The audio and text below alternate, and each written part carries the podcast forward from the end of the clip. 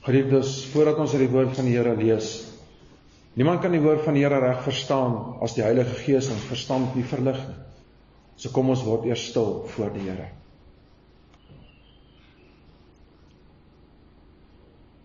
Ons almagtige drie enige God.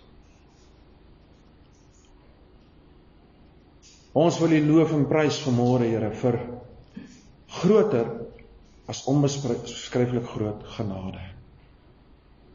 So graag sou ons daardie pragtige lied wou wysig so bietjie en sê U genade is groter as onbeskryflik groot.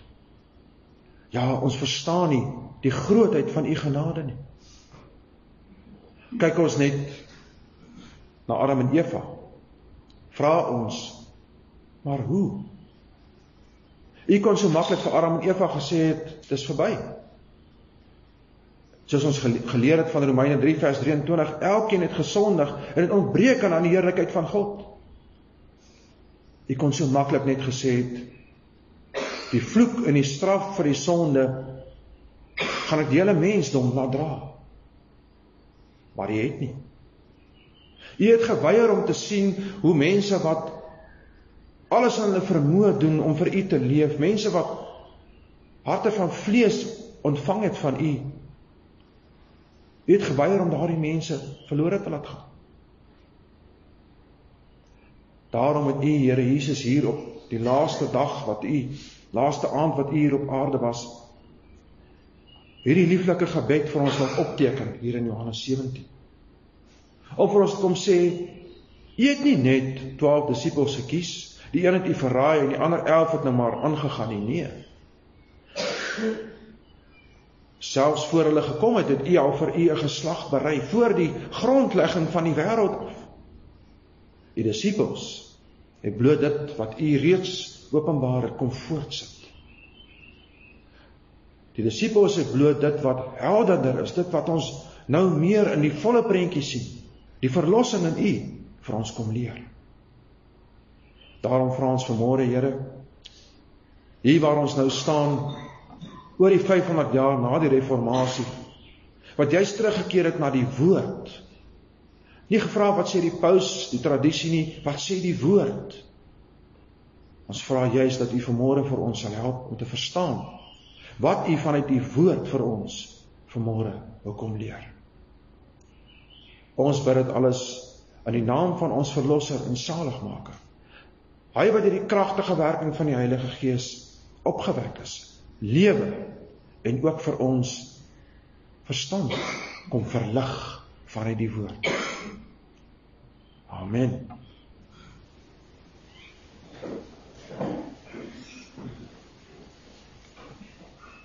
Geliefdes, ons skriflesing vanmôre vind ons vanuit Johannes 17 vers 1 tot 26.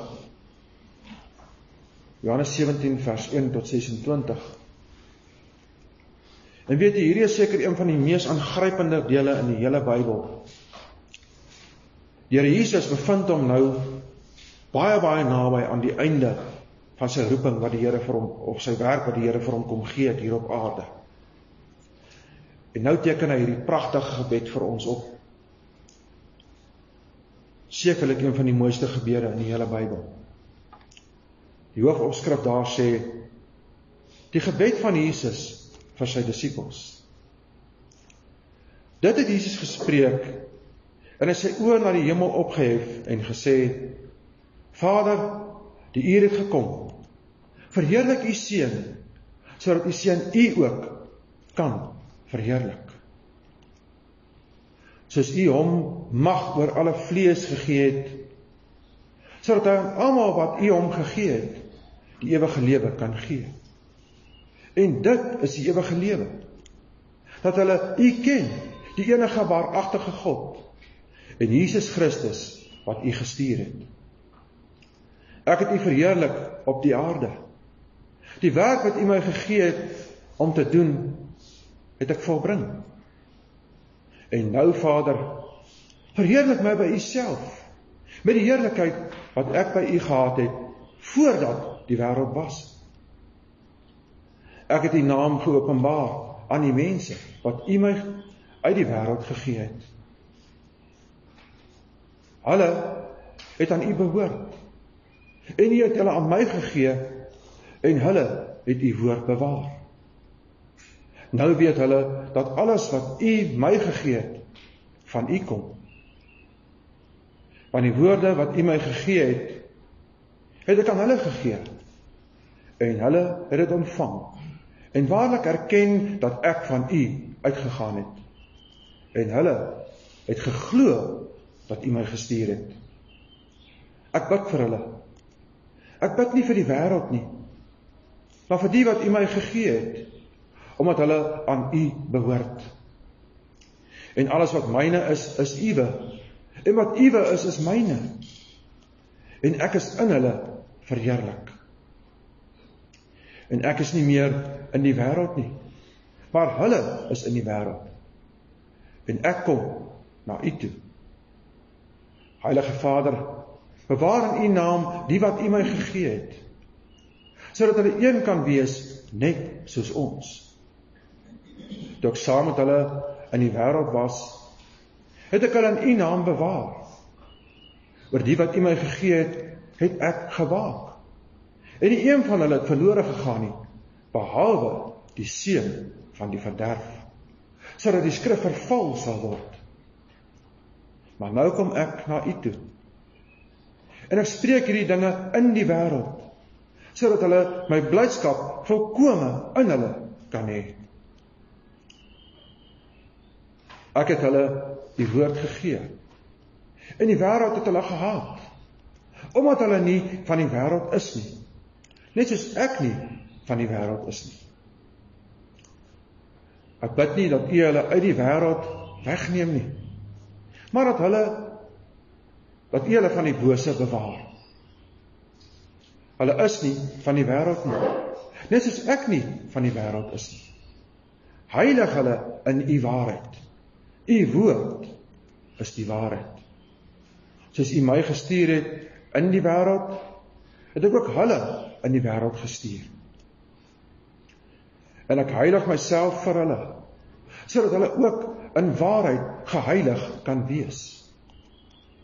Maar ek bid nie vir hulle alleen maar ook vir die wat deur hulle woord in my sal glo. Dat almal een mag wees, net soos U, Vader, in my en ek in U. Dat hulle ook in ons een mag wees, sodat die wêreld kan glo dat U my gestuur het. En ek het hulle die heerlikheid gegee wat U my gegee het. Sodat hulle een kan wees net soos ons een is. Ek in hulle en U in my. Sodat hulle volkome een kan wees en dat die wêreld kan weet dat U my gestuur het. En hulle liefgehad het net soos U my liefgehad het. Vader, ek wil dat waar ek is hulle wat U my gegee het ook saam met my sal wees sodat hulle my heerlikheid kan aanskou wat U my gegee het. Omdat U my liefgehad het voor die grondlegging van die wêreld regverdige Vader al het die wêreld U nie geken nie tog het ek U geken en hulle hier het erken dat U my gestuur het. En ek het U naam aan hulle bekend gemaak.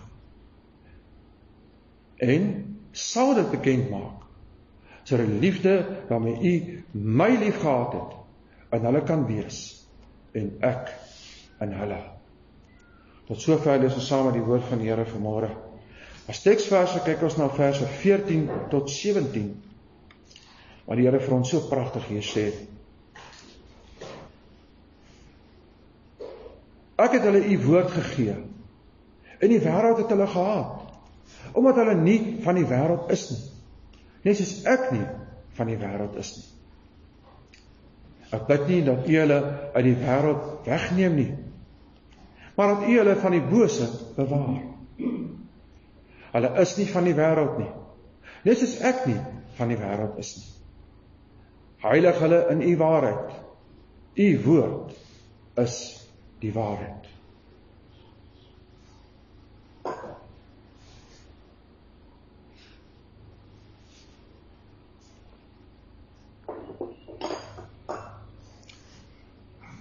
Liewe gemeente van ons Here Jesus Christus, wat sou u sê is die waarheid?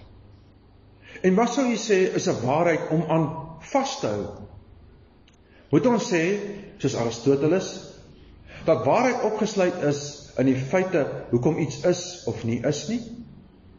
Of moet ons ons dalk soos Plato kom sê waarheid lê opgesluit in die manier hoe iets gevorm word?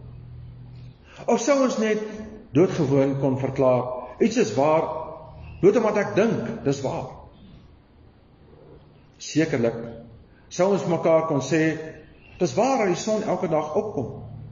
Dis waar dat die voeltjies sing. Dis ook waar dat dit lyk of die ekonomie in duie worstel. Maar weet jy geliefdes, nie een van bogenoemde bevredig nie.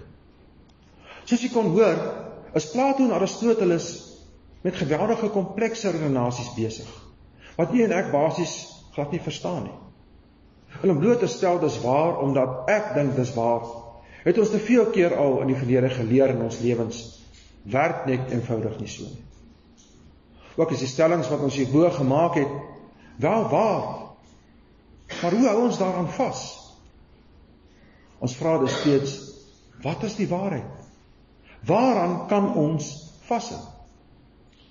Nou, ons vier elke jaar in Oktober die reformatie. Dit staan bekend as hervormingsmaand. Ons ken die geskiedenis. Martin Luther spyker op 31 Oktober 1517 sy 95 stellings teen die Romeinse kerk te Wittenberg vas. En dit gee aanleiding tot die reformatie. Maar weet jy, Martin Luther het nie een oggend opgestaan en toe besluit, "Woeps, dis nou tyd vir die reformatie." Nee. Hy het op die skouers van reuse gestaan wat voor hom was. Een van hierdie reuse was John Wycliffe. Wycliffe was een van die heel eerstes in 'n hele paar eeue wat gevra het nie wat sê die paus nie, nie wat sê tradisie of logika nie, wat sê die skrif? Daarom is die boodskap van ons aan ons vanoggend. Daar is geen ander waarheid om aan vas te hou as slegs die woord van God. Die vraag is nou, hoe weet ons dit? Ons het ons nou gesê iets is nie net bloot waar omdat dit waar is nie of wat ek dink dis waar nie. En selfs al sou dit waar wees, hier het my niks om aan vas te hou nie. So, hoe weet ons nou die woord is die enigste waarheid? En dis juist waaraan ons kan vashou. Ten eerste Die woord van God staan lynreg teenoor die leuns van die wêreld. Nou geliefdes in die Here Jesus, wanneer ons hier in Johannes 17 kom, is die Here Jesus baie naby aan die einde van sy werk hier op aarde. Nadat hy die disippels ingelig het oor die feit dat hy weggaan, maar dat hy hulle nie wees gaan agterlaat nie, maar die Heilige Gees sal stuur, vind hy dit steeds nodig om vir hulle te bid. Want jy sien, As jy fyn lees, sal jy agterkom dat die ou ou beginsel maar weer hier sterk na vore tree. Wat daar in Genesis 3 begin het. Die bose staan lynreg teenoor die goeie. Die wêreld is vol haat vir hulle wat aan God behoort. Juist daarom bid Here Jesus nie na die Vader nie net vir die disippels of bid Here Jesus dat die Vader nie uit die wêreld sal wegneem. Maar wie gaan dan die evangelie verkondig? Nee. Hy bid slegs dat die Vader hulle sal verlos van die bose. Dit is hulle sal bewaar tot die einde toe. Ook met die besef Johannes het nooit 'n doel gehad om dit wat die drie ander evangelieskrywers reeds opgeteken het te kom herhaal. Johannes se fokus was veral op die geestelike, die eenheid tussen Vader, Seun en Heilige Gees, die ewige lewe en so meer terwyl die ander evangelieskrywers baie meer gefokus het op byvoorbeeld hoe Jesus gevolg moet word. Wat is disippelskap? Wat is kruisdra? Juist omdat hy onder leiding van die Heilige Gees meer op die geestelike fokus kom teken Johannes vir ons op hoe die Here Jesus gebid het. Hoe die feit staan dat die woord van God die waarheid is. Op die eerste feit wat hoe Jesus gebid het, kan jy dalk vra Waarom slaan die Here Jesus sy oë op na die hemel? Maar die tollenaar kyk af. Dit klink mos interessant. Jy sien, daar is twee redes. In eerste plek het die Here Jesus niks gedoen wat hom kon verdoem nie. Hy het dan geen sonde gehad teenoor die tollenaar wat oorgewig was met sonde. Jesus het dus nie nodig gehad om skaam en vol kwellinge voor die Vader te gaan staan nie. Ten tweede, Dawid het dikwels in die psalms op verskillende maniere gebid. Sy houdings was anders wanneer hy gebid het, afhangende van die situasie. Soms hef Dawid sy hande op. Soms lê hy selfs in die stof. Deur Jesus kom leer ons hier dus dat ons moet oplet na wat die situasie is, die aard van ons situasie in ons gebede en daarvolgens ons houding moet inneem. Vir ons heiland was hierdie 'n vreugdevolle oomblik. Want hy kon intree vir hulle wat hy agterlaat. Nie net vir die disippels nie, maar elke gelowige wat hierna sou kom. Deur Jesus kom neer ons boonop hier as die seun van God intree vir sy disippels en volgelinge. Hoeveel te meer met u en ek nie vir mekaar bid. Hy kom bid met 'n vreugde. Hy is op die punt om die werk wat die Vader hom gegee het end uit af te handel. Alles by alles hy's op die punt om die Vader te verheerlik. Sodat die Vader hom as sy seun kom verheerlik. Hierdie is dus nie 'n hartseer, hartverskeurende gebed nie, maar een van onuitspreeklike vreugde. Al bevat die gebed sonder twyfel pleitende woorde vir die disippels en vir elke gelowige wat hierna gaan leef. Een van die grootste pleite van die Here Jesus lees ons dan juis hier in vers 17 raak. Heilig hulle in u waarheid. U woord is die waarheid. Ons lees dus hier drie geweldige groot begrippe raak. Heilig, waarheid en woord. As ons kyk na die woordjie heilig, beteken dit nie dat ons foutloos, sondeloos of beter as ander is soos wat sommige dink nie. Die woordjie heilig beteken letterlik om afgesonder te wees. Veral om afgesonder te wees vir God. Daarom staan u en ek in God se waarheid lynreg teenoor die ou bose wêreld. Die wêreld is vandag so ver van afgesonder vir God af as wat kan kom. Mense hoor soms selfs jong mense wat sommer op die eerste afspraak al kom sê, "Man, trek by my in, dan kyk ons hoe gaan dit." Geen respek meer vir die heilige, dit is die afgesonderde huwelik voor God met baie liefde gesê. Kyk ons na die tweede woordjie waarheid. Dan het mense vandag so ver van die waarheid af weggedwaal dat hulle selfs die sienlike onbetwyfelde feite verdraai. Wys mens byvoorbeeld vandag 'n prentjie van 'n appel, dan sê mense nee man, dis 'n piesang. Hoekom? Want vir my persoonlik assosieer ek dit met 'n piesang. En hoe durf jy vir my sê dis 'n appel? Dis dan baie regsinnig. Geliefdes, as mense nie eens oor wat heilig en waar is kan regkom nie, dan praat ons nie eens oor die woord van God nie. Al wat ons kan sê is die wêreld se leuns waarvan ons nou slegs 2 genoem het, staan lynreg teenoor die waarheid van die woord van God. Ten tweede, die woord van God onderskei die gelowige van die wêreld. Maar geliefdes, nou kan jy steeds vra, reg, ek hoor. Maar wat presies is hierdie waarheid? Wat so lynreg staan teenoor die wêreld se leuns? Ons gaan dit op twee maniere bekyk vir antwoorde. Ten eerste, omdat 'n vorming 'n vormingsmaand is, kyk ons bietjie na John Wycliffe. Die uitsprake wat hy gemaak het. Ons is baie keer geneig om vas te steek by die sogenaamde groot 5 van die reformatie, naamlik Martin Luther, Johannes Calvin, Martin Bucer, Hildrich Zwingli en John Knox.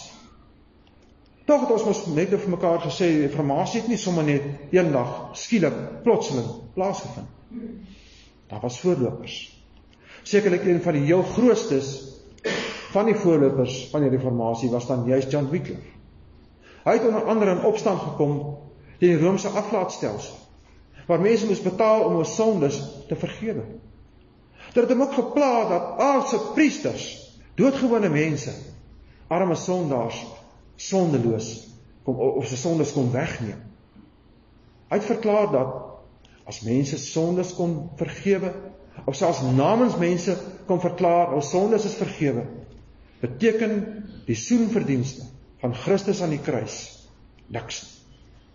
Verder was die Bybel op daardie stadium in die 1300s slegs in Latyn geskrywe met die gevolg dat alleen die geleerde die geleerde wat Latyn verstaan het die Bybel kon verstaan. Die res was gesien as jy gepekel. Wycliffe het vasgeglo die woord van God moet in 'n persoon se eie taal beskikbaar wees. Want jy sien die geleerdes het dit so misbruik dat hulle sogenaamde dienste in Latyn gelei het en nie eens gepreek het op sommige sondae. Hulle soms selfs grappies vertel net om 'n uur vol te maak.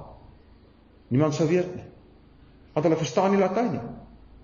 Die soldate het ook in daardie dae die strate gepatrolleer en as jy in die kerk was dan as jy sommer gefonnis. Dit klink miskien vir ons goed, maar die probleem was mense was gedwing om na 'n sogenaamde diens te gaan waarvan hulle niks verstaan het nie. Met reg het Wycliffe dan standpunt ingeneem deur te sê in sy argument elkeen moet in sy eie taal die woord hoor sodat die diens ook in sy eie taal sou wees. Wycliffe het verder geglo dat 'n mens volgens die woord deur genade alleen gered word, wat deur geloof in Christus alleen verkry word. Die priester kon nie vergewe of red nie. Net Christus kan red en vergewe. Mense het dus met reg kon sê dat die vyf bene van die reformatie, skrif alleen, Christus alleen, geloof alleen, genade alleen en aan God alleen die eer, sy beslag by Wycliffe gekry het. Natuurlik ten eerste regheid vanuit die skrif. Nou geliefdes, hoor u hier Martin Luther. Luther het ook standpunt teen die aflaatstelsel ingeneem. Vir hom was dit ook so dat hy geglo het die Bybel moet vir alle mense verstaanbaar wees in hul eie taal. Luther het ook egskriftuurlik geglo mens word net deur genade alleen gered en dat net Christus hierdie genade deur geloof kan bewerk. Ons sien dus Luther basies presies dit wat Wycliffe vanuit die skrif ontdek het, net weer kom bevestig. Die waarheid van die woord word dus totaal na onderskei van die leuns van die wêreld. Wat boonop tegnies nogal in die kerk van alle plekke posgevat het. Maar weet jy, daar is selfs nog 'n tweede been van hierdie waarheid van die woord van God.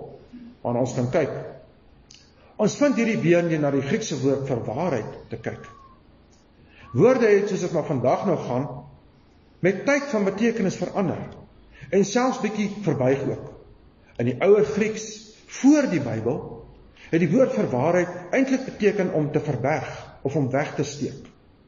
Nou in die tyd waarin die Bybel geskrywe is, is hierdie woord egter met juis die teenoorgestelde vervang. Die woord in ons teks beteken dan juis om nie te verberg of nie weg te steek nie. Verder kan hierdie woord ook verwys na om opreg van gedagtes of hart te wees. Die hele gebruik van die woord kom dus daarop neer dat die valse van die opregte geskei word. Die leuen uitgewis en die waarheid na vore tree. Wat die Here Jesus hier dus vir ons sê is: "U woord is nie vir ons verberg of weggesteek nie. U woord spreek waarhede, nie valshede nie. Ten derde, die woord van God word deur Christus self verkondig. Maar geliefdes, Here Jesus het weer eens nie skielik hier op aarde voor die disippels gestaan en bid en toe word die woord nou skielik waar. Nee. Moses het al die woord van God van God self ontvang. Moses skryf die eerste 5 boeke van die woord van God. Die profete en ander skrywers bou hierop voort. So sien ons hoe die Here se woord bevestig word. Ons kan byvoorbeeld net na Johannes 1 kyk. Waar staan in die begin was die woord en die woord was by God en die woord was self God. Verwysende na Christus. En later die woord het vlees geword en onder ons kom woon. En hier kom die Here Jesus, die woord self en staaf onbetwisbaar. U woord is die waarheid. Jy sien Moses het die heerlikheid van God aanskou daar op die berg in Eksodus 33.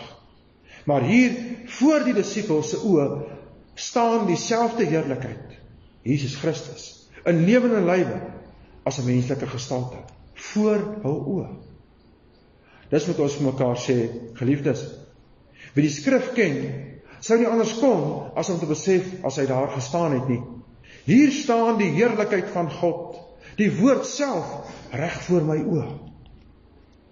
Maar nou weet ons Christus het nie heeltyd met sy hande na die hemel opgehef gestaan nie.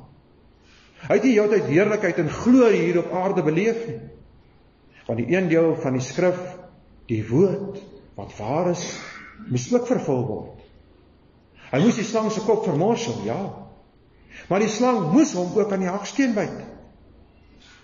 Hy moes vervul wat hy telke male vir sy disippels gesê het. Die Christus het gekom om baie te ly. Nie om gedien te word nie, maar om te dien. Dis daarom het Jesaja 53 en talle ander skrifgedeeltes volmaak in vervulling gegaan. 'n Rukkie na die Here se gebed hier in Johannes 17 toe hy daar aan die kruis moes sterf. Ja, vir u en my is dit gedoen sodat die waarheid aan ons geopenbaar sou word. God het die mens nooit gehaat nie. God wou nie dat die mens verlore gaan nie. Nee. God het die wêreld so lief gehad dat hy sy enigste seun gestuur het sodat elkeen wat aan hom glo nie verlore sou gaan nie, maar die ewige lewe sou hê. Ja. God het ons nie weggestoot met 'n haatlike hart nie. Hy het ons liefgehad met 'n ewige liefde en ons getrek met goedertierenheid soos Jeremia 31 vers 3 so pragtig sê. Ja, Christus het niemand verwerp nie, geliefdes. Die mense het hom verwerp. Selfs vir Judas Iskariot het hy keer op keer probeer te regwys. Soos in Johannes 13 as hy sê een van julle is 'n duiwel, is dit nie bedoel om Judas weg te jaag nie. Dit is bedoel om te sê Judas draai om. Maar Judas hou nie hoor nie. Hy bly klip klip hard. En tog, liewe broers en susters, nie net mense het Jesus verwerp nie. Dis vir enige mens wat 'n gewone mens was, onthou Christus was mens en God, genoeg gewees het as so baie mense hom verwerp het soos wat Christus moes deurmaak. Dan besef u selfs God die Vader selfs God die Vader daar aan die kruis verlaat sy enige gebore seun. Hy verwerp hom. Hy verwerp hom in so 'n mate soos u en ek as sondaars verworp moes word. Dat hy God verlaat is. Heeltemal alleen, hulpeloos, hopeloos, sonder enige iets anders as 'n onuitspreeklike angs daar aan daardie kruis tussen hemel en aarde gehang het. Maar geliefdes, die woord moes ook vervul word wat sê die dood is verslind in die oorwinning Die Here Jesus het nie dood gebly nie.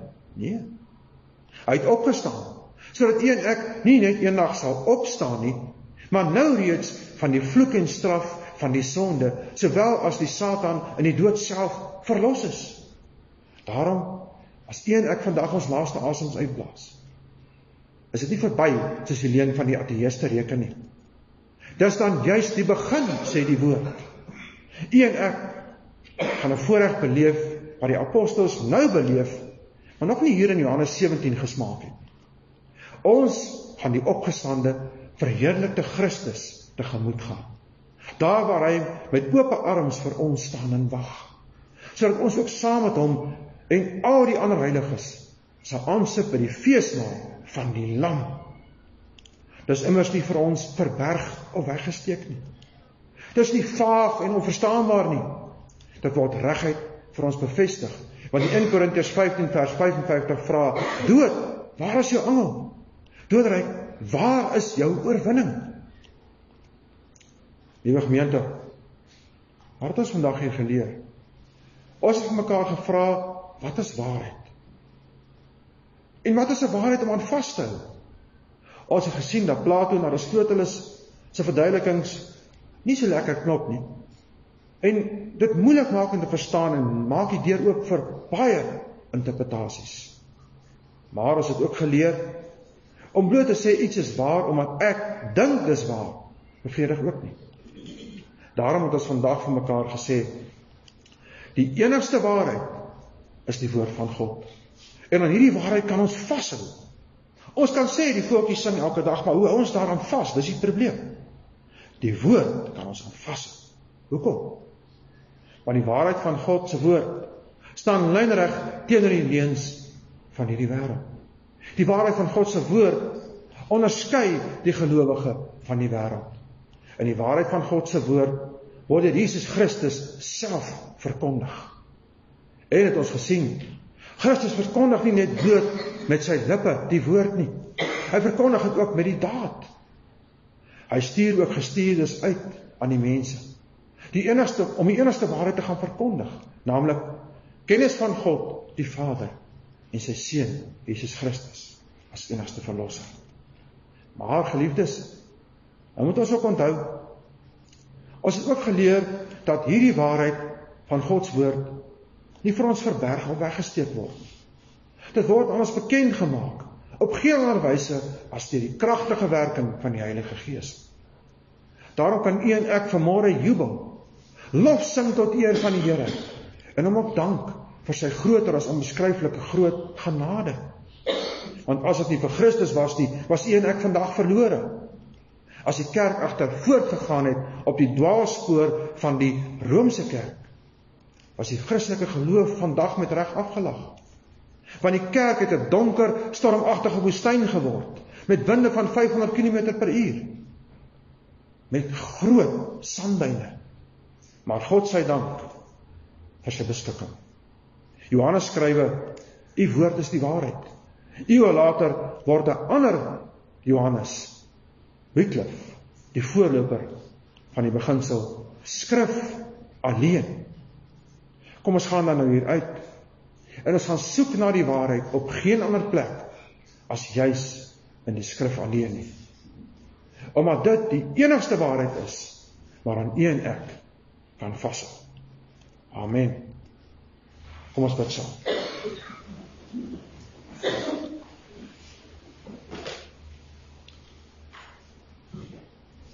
Ons almagtige drie-enige God.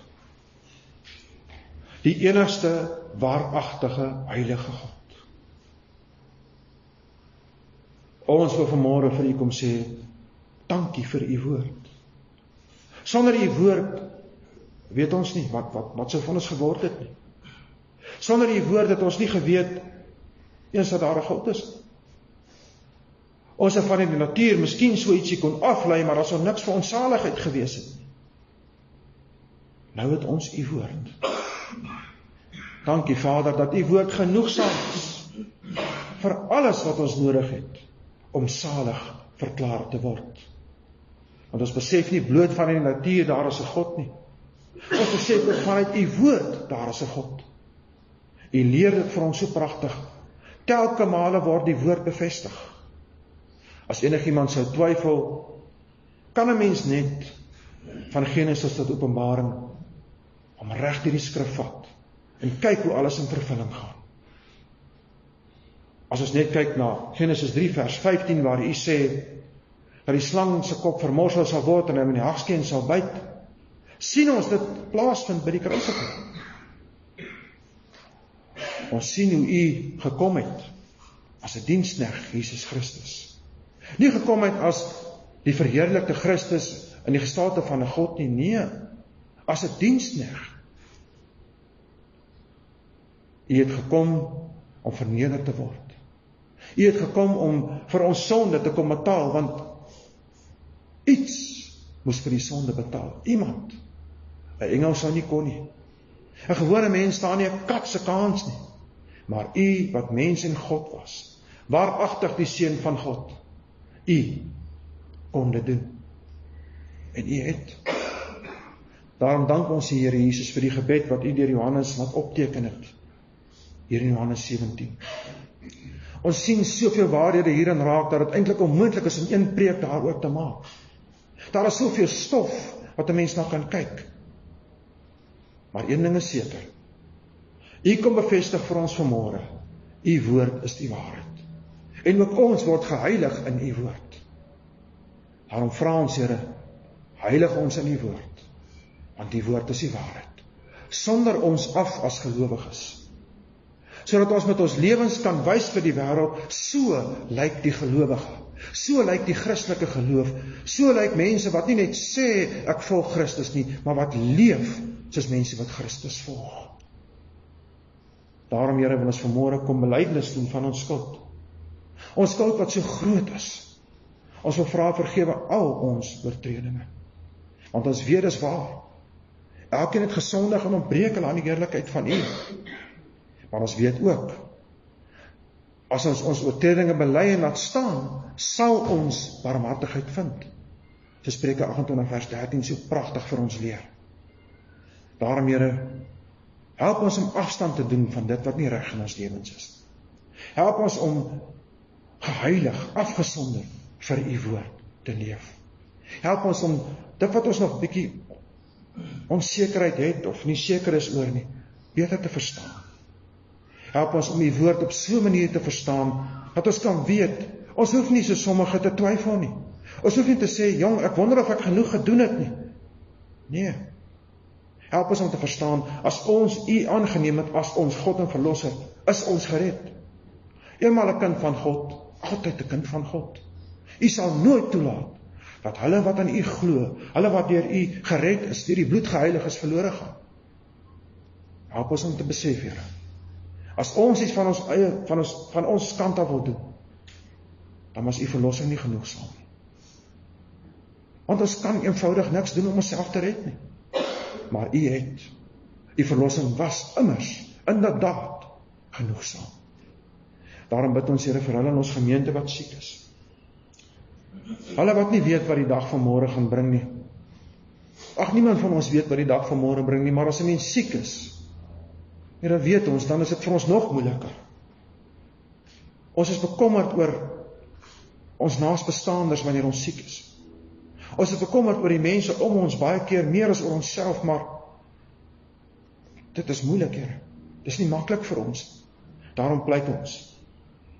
Neem elke sieke se hand vanmôre en kom sê vir elke sieke vanmôre kom na my toe almal wat vermoeid en belas is en ek sal julle rus gee u rus Here dat ons kalm te vind u rus laat ons ontspan in u u rus dat die swaar las van ons sonde ophou want u rus is die enigste volkome volmaakte rus ons bid Here vir die kerkraadsvergadering hierna Neem u die leiding deur u gees daar.